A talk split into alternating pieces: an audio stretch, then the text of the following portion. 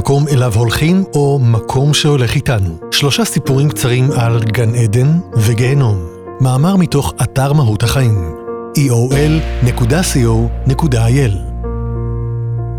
הדייט של אתמול בערב היה דייט מהגיהנום. או אחראי של אבא שלי הוא פשוט גן עדן. המונחים גן עדן וגיהנום הפכו שגורים בשפה היומיומית שלנו ומשמשים כמילות תיאור לטוב ורע. אך במסורות מסוימות נהגו ונוהגים להתייחס אל השניים כאל מקומות פיזיים שאליהם מגיעים לאחר המוות. הצדיקים ימשיכו הלאה אל גן העדן, והחוטאים לגיהנום. לצד זאת, לא מעט פילוסופיות תרבותיות נוהגות להתייחס אל שני המושגים כאל מצבים מנטליים המאפיינים את חייו של האדם בעודו מהלך על הכדור. גן עדן מתאר מצב תודעתי מסוים, שבו שוהה האדם וחווה כי טוב, וגיהנום הוא מצב תודעתי המייצר סבל.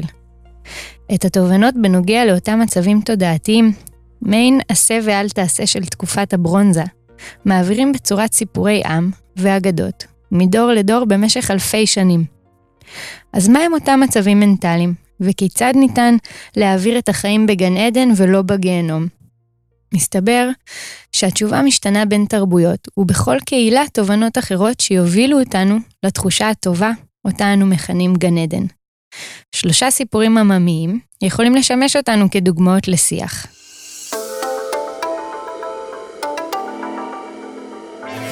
סיפור זן, הסמוראי והנזיר. סמוראי ניגש אל נזיר זן, הוא ביקש ממנו שיספר לו על גן עדן וגיהנום, שיתאר לו אותם, וילמד אותו על אודות השניים. אינך מוכן ואינך ראוי, ענה נזיר הזן וסירב. מששמע זאת הסמוראי, התמלא ליבו חימה ותסכול.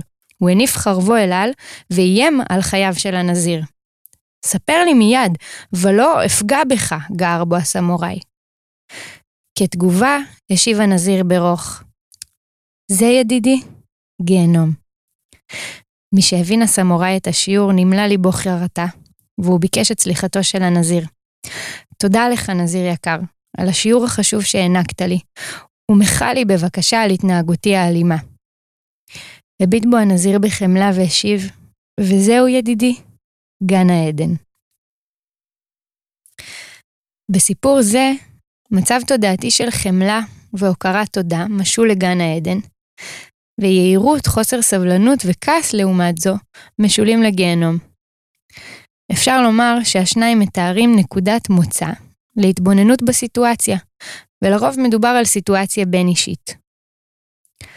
מטאפורת הכדור הגדול שבאמצע החדר עוסקת בקבוצת אנשים הנכנסת לחדר עגול שבמרכזו כדור ענק שחציו כחול וחציו לבן.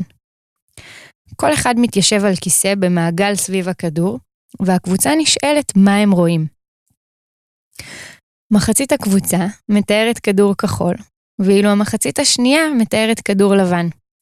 ליושבים במעגל יהיה קשה מאוד לקבל את נקודת מבטם של היושבים ממול, והם ייטו לחשוב כי הם טועים. אבל האם יש בכלל טועים וצודקים? כל מי שיושב במעגל מתאר באופן כן את מה שרואות עיניו, ומשוכנע בתשובתו.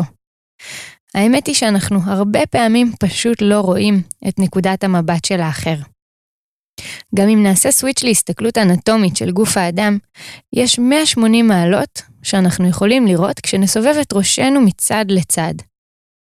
אך קיימות 180 מעלות נוספות שאיננו יכולים לראות, ורק בעזרתו של אדם נוסף נוכל להתוודע אליהן.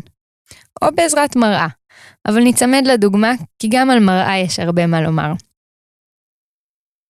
אם נצא מנקודת הנחה שבדרך כלל קיימת לפחות עוד נקודת מבט אחת שאנחנו לא רואים.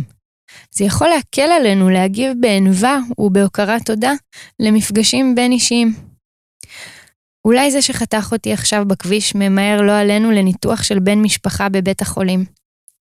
ואולי התשובה השלילית והמתסכלת שקיבלנו מהבוס נובעת משיקולים רלוונטיים, המשרתים את טובתנו, שלא שמנו לב אליהם.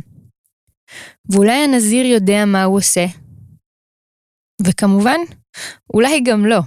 אולי אין סיבה מוצדקת למהירות המופרזת הזו. ואולי התשובה שקיבלנו באמת חסרת שחר. אבל ההבדל בין להתחיל עם המחשבה הזו ולבחון את הסיטואציה מתוך חמלה והוקרת תודה, לראות בה הזדמנות, ובין כעס, עצבים ואלימות שממלאים את ליבנו, הוא ההבדל בין גן העדן לגיהנום. כך על פי תורת הזן.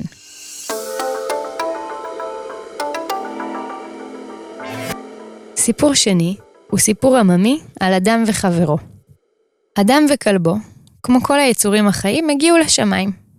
הם הלכו זה לצד זה, לאורכה של חומה גבוהה, בשביל של אבני זהב משתלבות.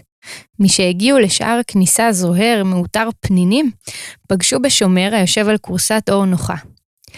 שאל האיש את השומר להיכן הגיעו, ועלה השיב, גן העדן הוא כאן, ממש לפניכם. שמחו השניים, והאיש הוסיף ושאל אם יוכלו הוא וכלבו להיכנס, והרי הם צמאים מאוד. בוודאי שתוכל, השיב השומר לאיש, אך לחיות מחמד הכניסה אסורה. על הכלב יהיה להישאר בחוץ. מבלי לחשוב פעמיים, המשיך האיש בדרכו עם כלבו וויתר על המים ועל הפיתוי שבכניסה אל גן העדן הנוצץ. הדרך הפכה משובשת ומוזנחת, ובשלב מסוים הגיעו השניים לשער עץ עלוב למראה, ללא כל גדר מסביב. ליד השער עמד שומר חביב וקרא ספר. בשואלם את השומר אם יוכלו להיכנס ולשתות, השיב האחרון, בשמחה, הם שניהם מוזמנים, ויש מים ומשקאות לרוב. משתהה האדם לאן הגיעו, השיב השומר, זהו גן עדן. בזמן ששתו השניים שאל האיש, כיצד זה שבמקום הקודם שבו הם עצרו, אמרו להם כי שם הוא גן עדן. ענה להם השומר, כי זהו הגיהנום, וטוב שנחלט לכם? שהם משתמשים בשם שלכם, שאל האיש. בכלל לא ענה השומר, אנחנו דווקא שמחים שהם לוקחים אליהם את כל אלו המחפשים את גן העדן, אבל מוכנים להפקיר את חבריהם בחוץ בשביל להימצא בו. הפעם, מה שיטה את כף המאזניים הוא ערך החברות. הכלב, הידוע לכל כחברו הטוב ביותר של האדם, מסמל בסיפור חבר על שלל צורותיו. אלה שיבחרו בטובת הכלל, שלא יפקירו את חבריהם גם לטובת מענה על תשוקותיהם, הם אלו שיגיעו לגן עדן. אם ניקח את התובנה לחיי היומיום, ונאיר את ההכרה שלנו תחת תורה, הרי שאנחנו מקבלים תיאור של אדם, החי את חייו בנתינה ובדאגה לאחר, בטיפוח החברה המקיפה אותו, בפיתוח קשרים בין אישיים עמוקים ובעלי ערך. וזהו גן העדן. בניגוד לכך, גיהנום יהווה אורח חיים בו אין ערך לחברות. האדם שמצוי בו דואג לעצמו, ושם את טובתו לפני הכל. פירוש פשוט יחסית של המונח קרמה הוא מה שתיתן ומה שתקבל. כלומר, כאשר אנחנו מטפחים חברות, מפרגנים לחברים שלנו ודואגים להם, אנחנו מקבלים בחזרה חברה מפרגנת ומטפחת. בעצם ביחסנו אל האחר אנחנו בונים גם את האטמוספירה שלנו.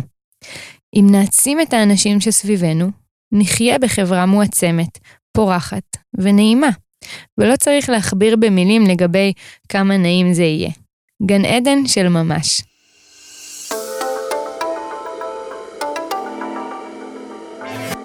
הסיפור השלישי הוא סיפור חסידי, שנקרא להוציא את העז. אביון אחד הגיע אל הרב ואמר לו, כבוד הרב, בבקשה תעזור לי. אנחנו משפחה גדולה, מרובת נפשות, החיה בבית דל וקטן.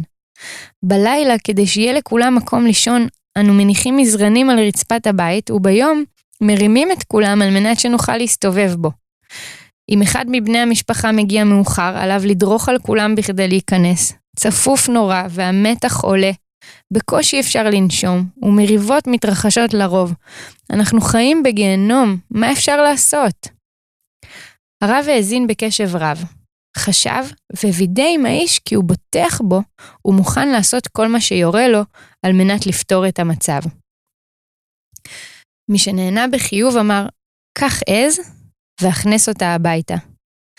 להכניס גם עז, הסתייג האיש, אבל כבוד הרב, הרי כל כך צפוף. זה רק יכניס מתח נוסף ויקשה על כולנו את החיים, ואבוי לנו מהריח.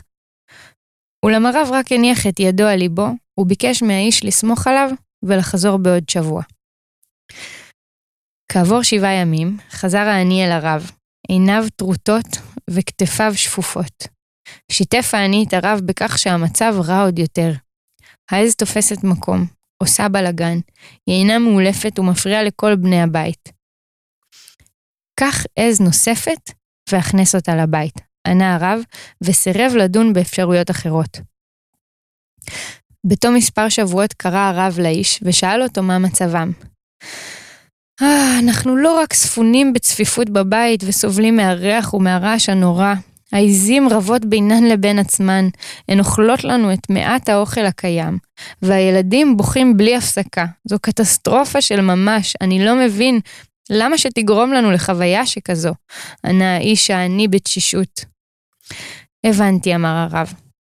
עכשיו בבקשה ממך, חזור הביתה, הוצא את שתי העיזים, וחזור אליי כעבור שבוע כדי לעדכן. כבר למחרת היום חזר העני, פניו קורנות וחיוך מרוח על שפתיו. כבוד הרב, איזו הקלה גדולה. הבית סוף סוף מרווח ויש מקום לכולם. הילדים לא רבים, ואיש שמח על חברת רעהו. אנחנו מעריכים את קולות הצחוק והשיח של הבית, ומלאים בסובלנות. העברת אותנו לגן עדן. על פי היהדות, כזהו גן עדן. מצב מנטלי, בו אנו מוקירים תודה על מה שיש. איננו משווים ואיננו עסוקים במה חסר לנו. אנחנו זוכרים תמיד כי יכול היה להיות פחות טוב, וממקדים את תשומת ליבנו בחצי הכוס המלאה. הרב בסיפור לא העביר את המשפחה לגן עדן. המציאות בה הם חיים נשארה בדיוק כפי שהייתה, והדבר היחידי שהשתנה הוא התודעה שדרכה הם תופסים את אותה מציאות. לא סתם משברים מסוימים בחיינו מטלטלים את תפיסת המציאות שלנו. זה קצת דומה להנחת הרווחה הנפלטת כאשר חולף לו צל של סכנה ועובר אותנו. אך האם אנחנו חייבים לחכות לאיזה שתיפול לתוך הבית בשביל לשנות את נקודת המבט?